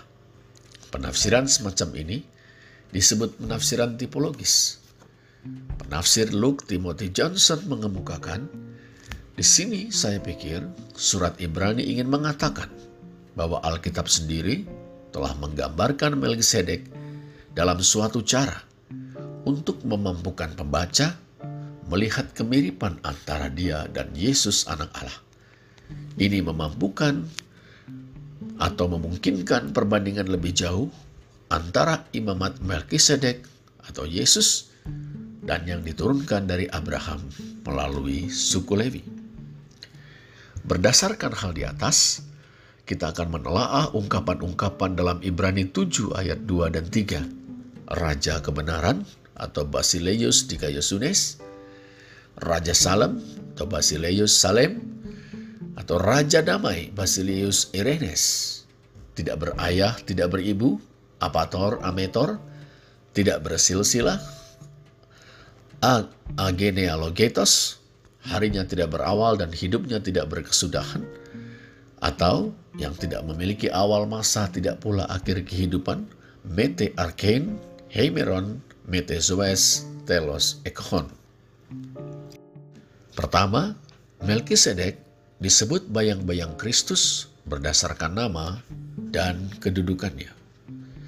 Bila diterjemahkan harafiah, Melkisedek Malki Sedek dalam bahasa Ibrani, kejadian 14 ayat 18 berarti Zedek adalah rajaku.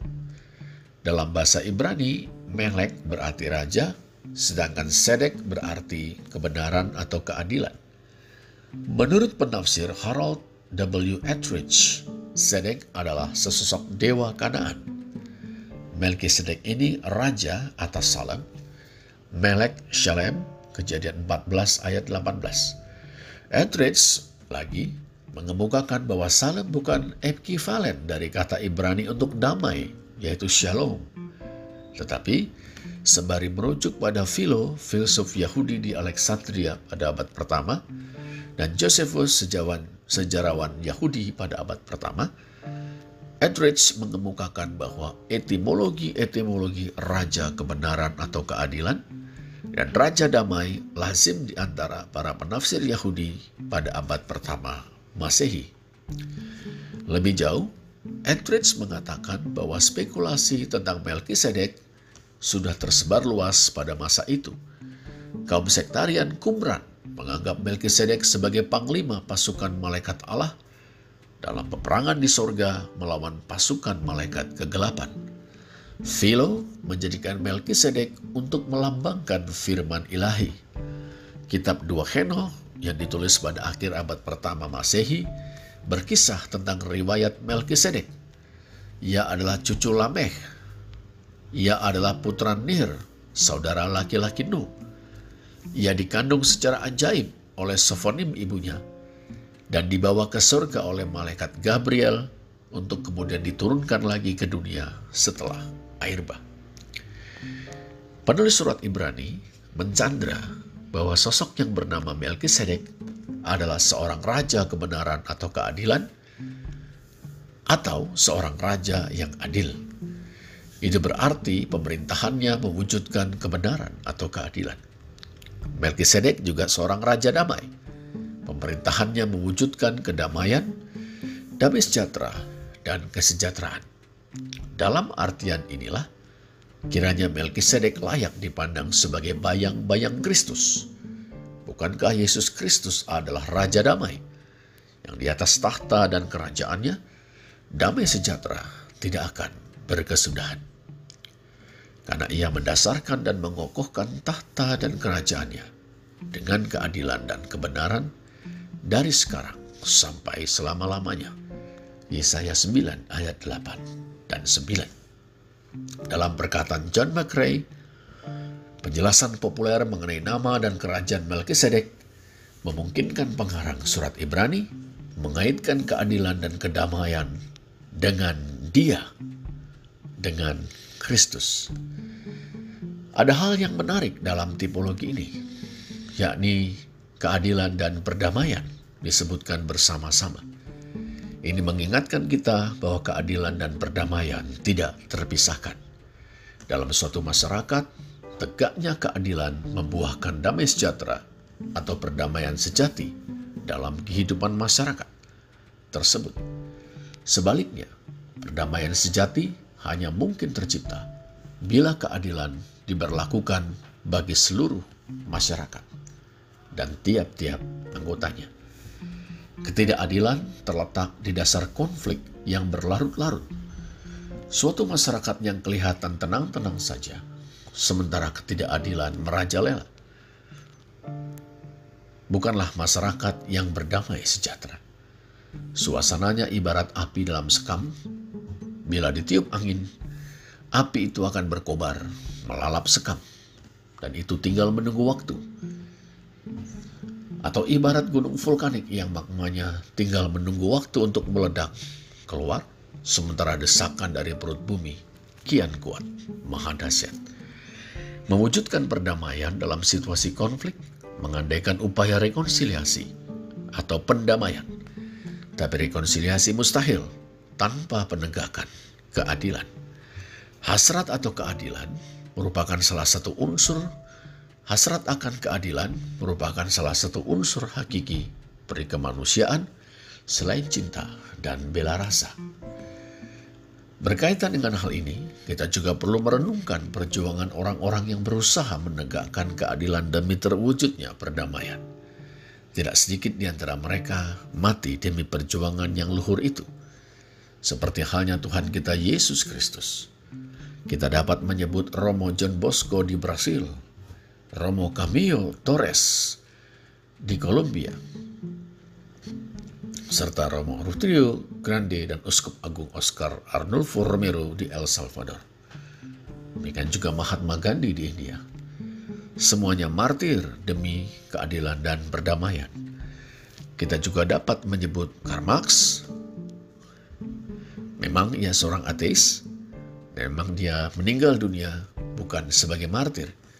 Tapi perjuangan Marx jelas dan konsisten Agaknya tidak berlebihan bila orang-orang ini, selain Melkisedek, dalam artian tertentu juga disebut sebagai bayang-bayang Kristus dalam hal perjuangan keadilan dan perdamaian. Masih banyak lagi. Bahkan pada masa kita sekarang ini, panggilan Kristen menyerukan supaya kita tidak menjauhkan mereka dari kita atau menjauhkan diri kita dari mereka.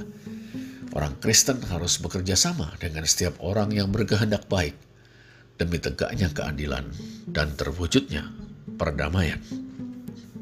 Kedua, Melkisedek disebut bayang-bayang Kristus berdasarkan asal-usul keluarganya.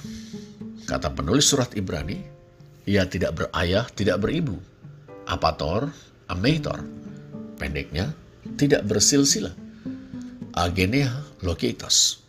Lagi-lagi, kita melihat hikmat sang teolog atau penulis surat Ibrani dalam berargumen.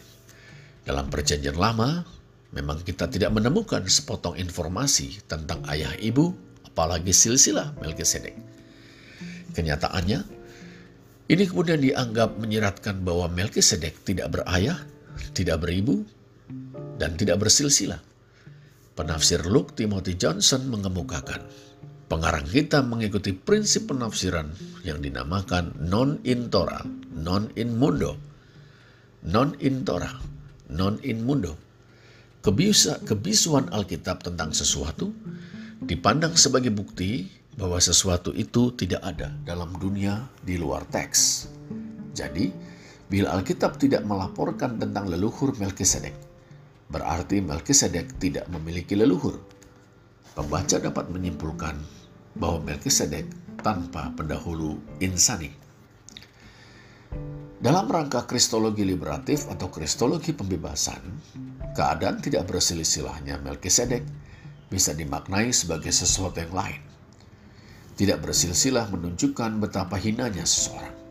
Boleh jadi, anak yang tidak diinginkan, tidak diakui oleh orang tua, bahkan oleh masyarakat. Boleh jadi juga, orang yang terbuang dari keluarga, tersingkir dari ikatan keluarga.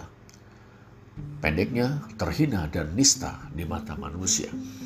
Dalam pada itu, Allah yang diwartakan Alkitab adalah Allah yang berdiri di pihak orang terbuang dan nista, terhina. Ia membela mereka, bahkan mengangkat mereka. Sebab, bukankah biasanya orang-orang yang hina itu berserah kepadanya dengan segenap percaya? Sebaliknya, orang-orang yang mulia agung, megah, jaya wijaya, kerap kali sombong di hadapan Allah, mengklaim bahwa mereka sendirilah penentu hidup mati mereka. Bahkan tak jarang di antara mereka menindas orang-orang lemah, miskin tertindas, dan melecehkan kaum yang terhina. Allah menentang mereka. Magnifikat alias nyanyian pujian Maria, anak darah itu, memenggahkan sikap Allah yang demikian. Lukas 1 ayat 46 sampai 55. Contoh yang paling akbar tentang hal ini adalah Yesus dari Nazaret sendiri. Bukankah di sepanjang hidupnya ia kenyang dengan nista dan cemooh bahkan aniaya sampai mati dalam keadaan amat hina? Bagaimana dengan ucapan orang Yahudi, kami tidak dilahirkan dari zina, Yohanes 8 ayat 41. Bukankah itu merupakan sindiran mereka tentang Yesus? Menurut mereka Yesus lahir dari zina. Ini fitnah, penghinaan, penistaan. Fitnah dan penistaan yang lebih besar lagi menimpa Yesus. Dalam pada itu, Yesus tetap setia melaksanakan kehendak Allah Bapaknya, yakni mewartakan kabar baik atau sabda gembira yang membebaskan. Sampai mati karena kekerasan yang berskenario konspiratif. Dan memang Allah berpihak pada Yesus. Ia membangkitkan Yesus dari kematian. Dan ia amat meninggikan dia dengan menjadikannya Tuhan dan Kristus Kisah Para Rasul 2 ayat 36. Jadi, dalam perspektif liberatif, Melkisedek adalah bayang-bayang Kristus karena kehinaannya. Kehinaan yang ada yang ad, kehinaan itu pada gilirannya telah diubah Allah menjadi kemuliaan. Sampai di sini kita perlu merenungkan sosok-sosok selain Melkisedek yang hina dalam pandangan manusia. Hina karena kemiskinan mereka, Kemiskinan yang sebetulnya lebih banyak disebabkan oleh sistem yang tidak adil, dosa struktural, atau mereka yang hina dina karena cacat, kurang bahkan tidak berpendidikan, sehingga bodoh dan rentan menjadi korban pembodohan. Atau mereka yang dianggap sampah masyarakat karena profesi mereka, sementara masyarakat tidak mengutuk orang-orang yang memanfaatkan profesi mereka. Sebutlah perempuan-perempuan yang disebut sebagai pekerja seks komersial, pelacur, dan sederet sebutan yang menyiratkan dehumanisasi oleh masyarakat atas mereka yang sebetulnya merupakan pribadi-pribadi manusiawi. Yang lain, karena pekerjaan rendah meskipun tidak menyalahi moral, seperti pembantu rumah tangga atau asisten rumah tangga, penarik beca, pemulung, pengamen, pedagang asongan, penyemir sepatu, dan sebagainya. Yang lain lagi, orang-orang yang malang karena kejahatan, baik yang mereka lakukan maupun yang memangsa mereka sebagai korban. Orang-orang terbencara, baik penjara fisik, lembaga pemasyarakatan, maupun penjara hidup. Maupun penjara hidup seperti keterikatan pada narkoba. Mereka hina di mata masyarakat. Tapi mereka boleh jadi merupakan bayang-bayang Kristus. Bila mereka datang menghampiri Allah yang berbela rasa, bukankah ia akan mengangkat mereka? Dalam hal ini, ada panggilan bagi kita untuk melayani mereka dengan jiwa dan semangat Kristus. Bukankah Tuhan yang bangkit itu kelak akan berkata, Sesungguhnya segala sesuatu yang kamu lakukan bagi salah seorang saudaraku yang paling hina ini, kamu telah melakukannya untuk aku. Matius 25 ayat 40. Ketiga, Melkisedek dikatakan sebagai bayang-bayang Kristus dalam hal harinya tidak berawal dan hidupnya tidak berkesudahan. Kita dapat segera mengartikan bahwa Melkisedek kekal. Tetapi sekali lagi kita melihat hikmat penulis surat Ibrani. Jelas bahwa dalam perjanjian lama tidak ada keterangan sama sekali tentang riwayat masa kecil, remaja, pemuda, dewasa maupun wafatnya Melkisedek. Hal ini ditafsirkannya dalam rangka berkristologi tipologis, tidak berawal, tidak berakhir. Pembaca, kata Luke Timothy Johnson, oleh karena itu dapat menyimpulkan lebih jauh bahwa Melkisedek tidak memiliki kelahiran yang alamiah.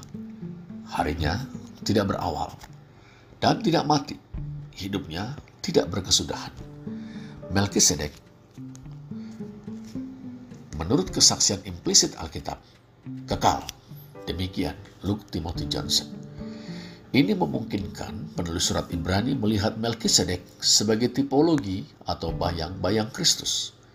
Sebab bukankah Yesus Kristus tidak berawal, tidak berakhir, Alfa dan Omega. Wahyu 1 ayat 7, 2 ayat 8, 22 ayat 2. Dalam perspektif liberatif, tidak berawal, tidak berkesudahan, dapat dipahami dalam kaitannya dengan sejarah. Dalam sejarah peradaban manusia hingga kini, kita tahu bahwa yang dicatat di sana adalah orang-orang terkemuka yang dikenal sebagai subjek-subjek sejarah. Sejarah adalah kisah orang-orang besar. Sejarah tidak mencatat orang-orang kecil yang oleh para penguasa sering diperlakukan sebagai objek. Peran mereka dalam sejarah peradaban manusia tidak dipandang sebelah mata. Namun, sejarah mereka tidak berawal, tidak berakhir, kekal. Sejarah keselamatan. Allah melibatkan orang-orang yang dianggap tidak signifikan dalam sejarah yang ditulis dalam rangka suatu peradaban yang ditandai oleh tampilnya orang-orang besar. Melibatkan mereka untuk mewujudkan rencana penyelamatannya. Itulah yang Allah lakukan. Melkisedek yang dalam perjanjian lama hanya tampil untuk tanda petik setor muka, memiliki makna dalam sejarah keselamatan. Ia menjadi tipologi bayang-bayang Kristus. Ya, Kristus yang dalam pandangan manusia juga tidak signifikan. Tapi lain halnya bagi Allah. Peristiwa Yesus merupakan puncak dari sejarah keselamatan. Di sini kita dapat merenungkan begitu banyak orang sederhana yang dipakai Allah untuk mewujudkan rencananya. Orang-orang yang berdoa bagi pekerjaan Tuhan nenek ibu yang tiap hari dengan setia menekuk lutut di hadapan Tuhan untuk mendoakan gereja, dan pelayan-pelayan Tuhan, hamba-hamba Tuhan. Orang tua yang mati-matian mendidik anak-anak mereka dengan teladan, disiplin, dan doa berurai air mata demi keselamatan dan kesungguhan hidup Kristiani anak-anak itu. Kita dapat menyebut misalnya Monica, ibu dari Agustinus muda yang cerdas, jenius, tetapi memiliki kehidupan moral yang tidak baik. Dengan ayah yang tidak dapat menjadi teladan, Agustinus menjalani hidup yang rusak.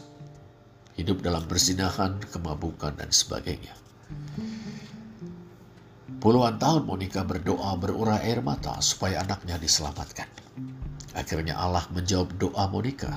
Bahkan lebih dari itu, Agustinus yang lahir tahun 374 dan wafat tahun 430 Masehi itu menjadi teolog besar yang memberikan kontribusi yang besar serta dihormati baik oleh gereja Katolik Roma maupun gereja Reformasi. Di mata Allah, Monica adalah subjek atau pelaku sejarah keselamatan. Semua orang sederhana yang ambil bagian sekecil apa pun dalam pekerjaan Allah adalah pelaku sejarah keselamatan. Hari-hari mereka tidak berawal, tidak berakhir, tapi tercatat dalam kitab kehidupan. Penutup Melkisedek yang misterius itu adalah bayang-bayang Kristus. Bayang-bayang dalam jiwa, semangat, dan kiprahnya bagi tegaknya keadilan dan perdamaian, kehinaannya, dan perannya dalam sejarah keselamatan. Itulah Melkisedek dalam perspektif liberatif. Bila direnungkan lebih lanjut, ternyata ada orang-orang lain di seluruh dunia di sepanjang zaman yang dalam satu dua hal menjadi bayang-bayang Kristus. Sebagai pengikut, Tuhan Yesus Kristus. Kiranya kita juga dapat menjadi bayang-bayang Kristus. Atau dalam istilah lain menjadi citra Kristus. Sebab memang itulah tujuan kita diselamatkan. Seperti ditulis Rasul Paulus. Sebab semua orang yang dipilihnya dari semula. Mereka juga ditentukannya dari semula. Untuk menjadi serupa dengan gambaran anaknya. Supaya ia anaknya itu menjadi yang sulung di antara banyak saudara. Roma 8 ayat 29. Terpujilah Allah.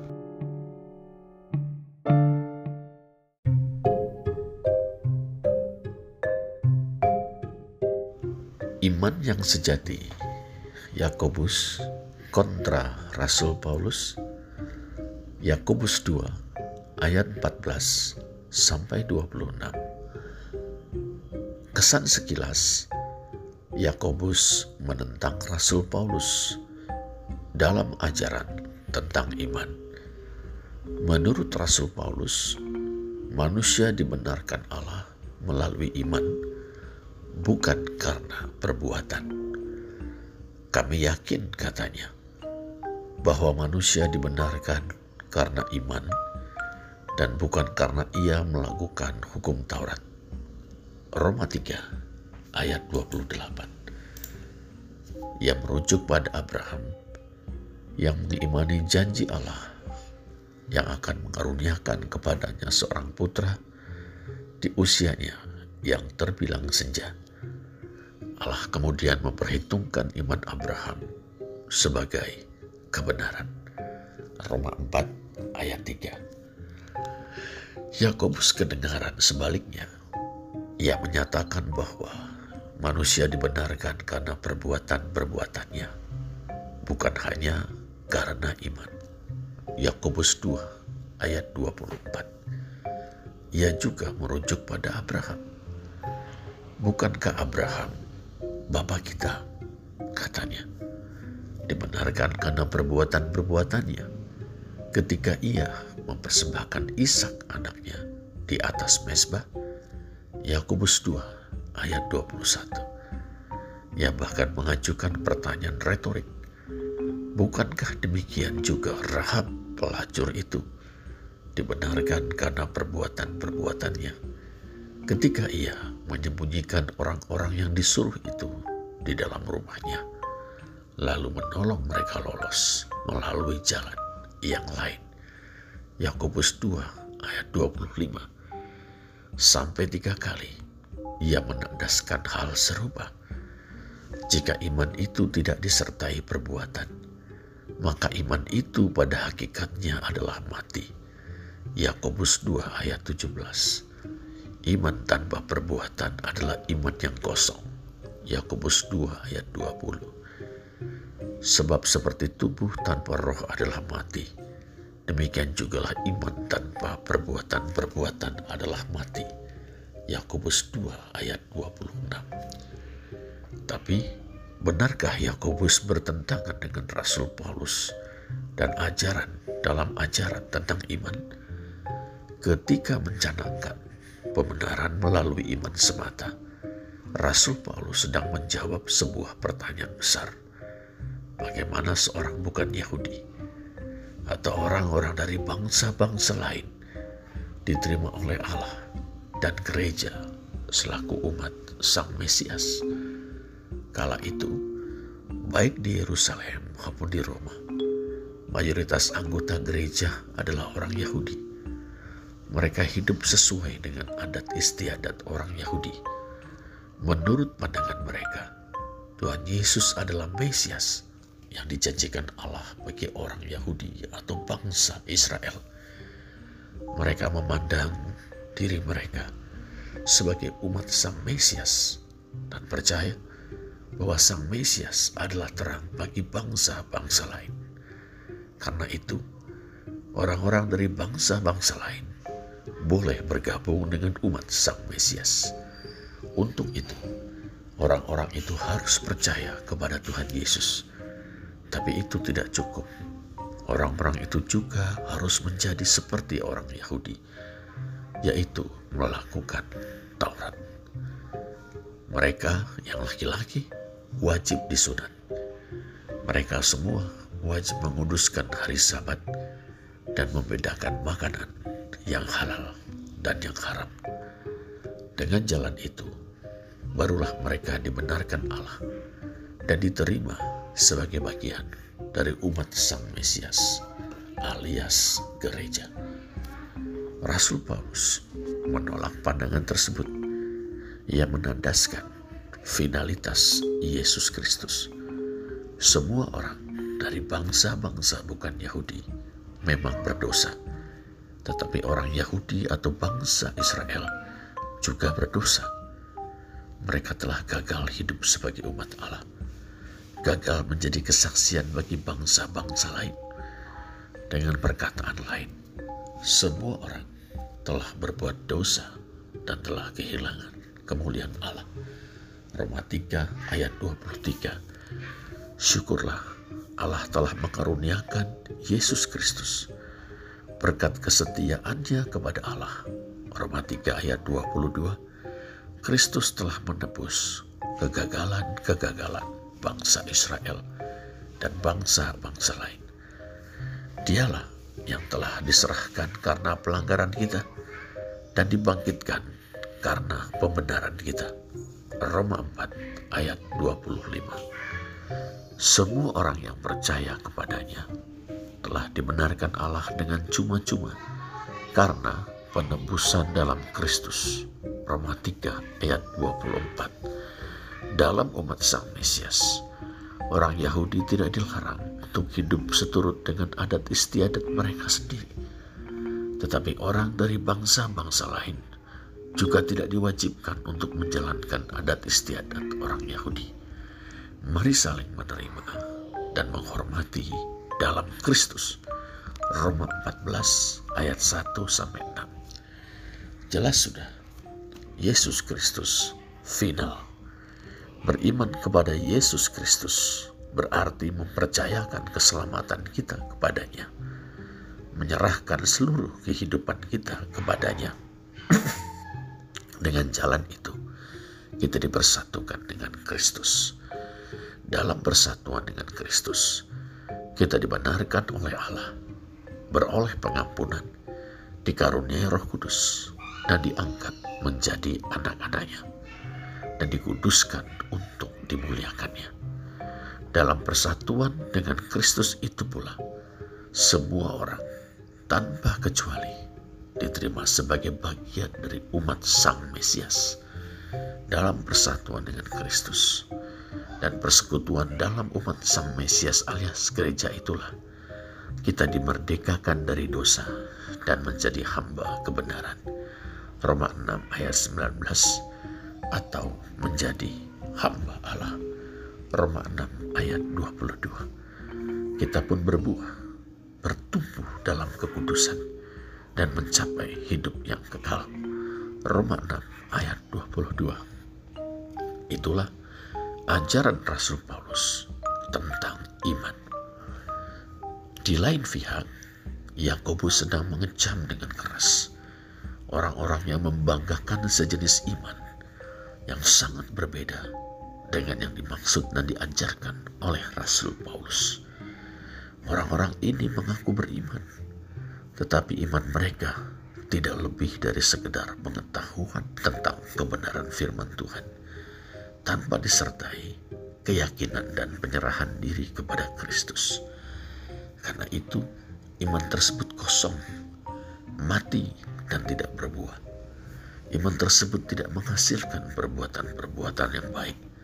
Menurut Yakobus, iman macam ini tidak beda dengan iman yang ada pada setan-setan.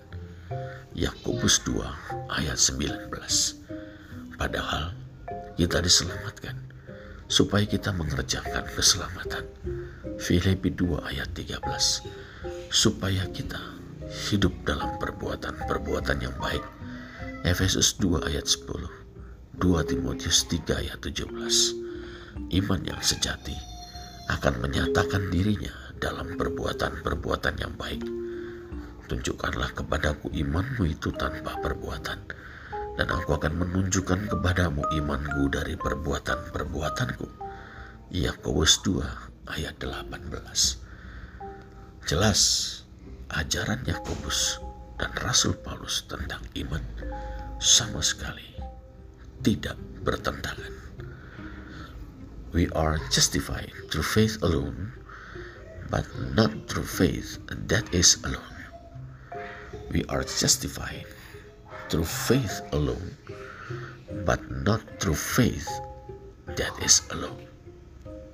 Kita dibenarkan melalui iman semata, tetapi bukan iman yang semata-mata. Demikianlah salah satu prinsip dalam ajaran reformasi. Terpujilah Allah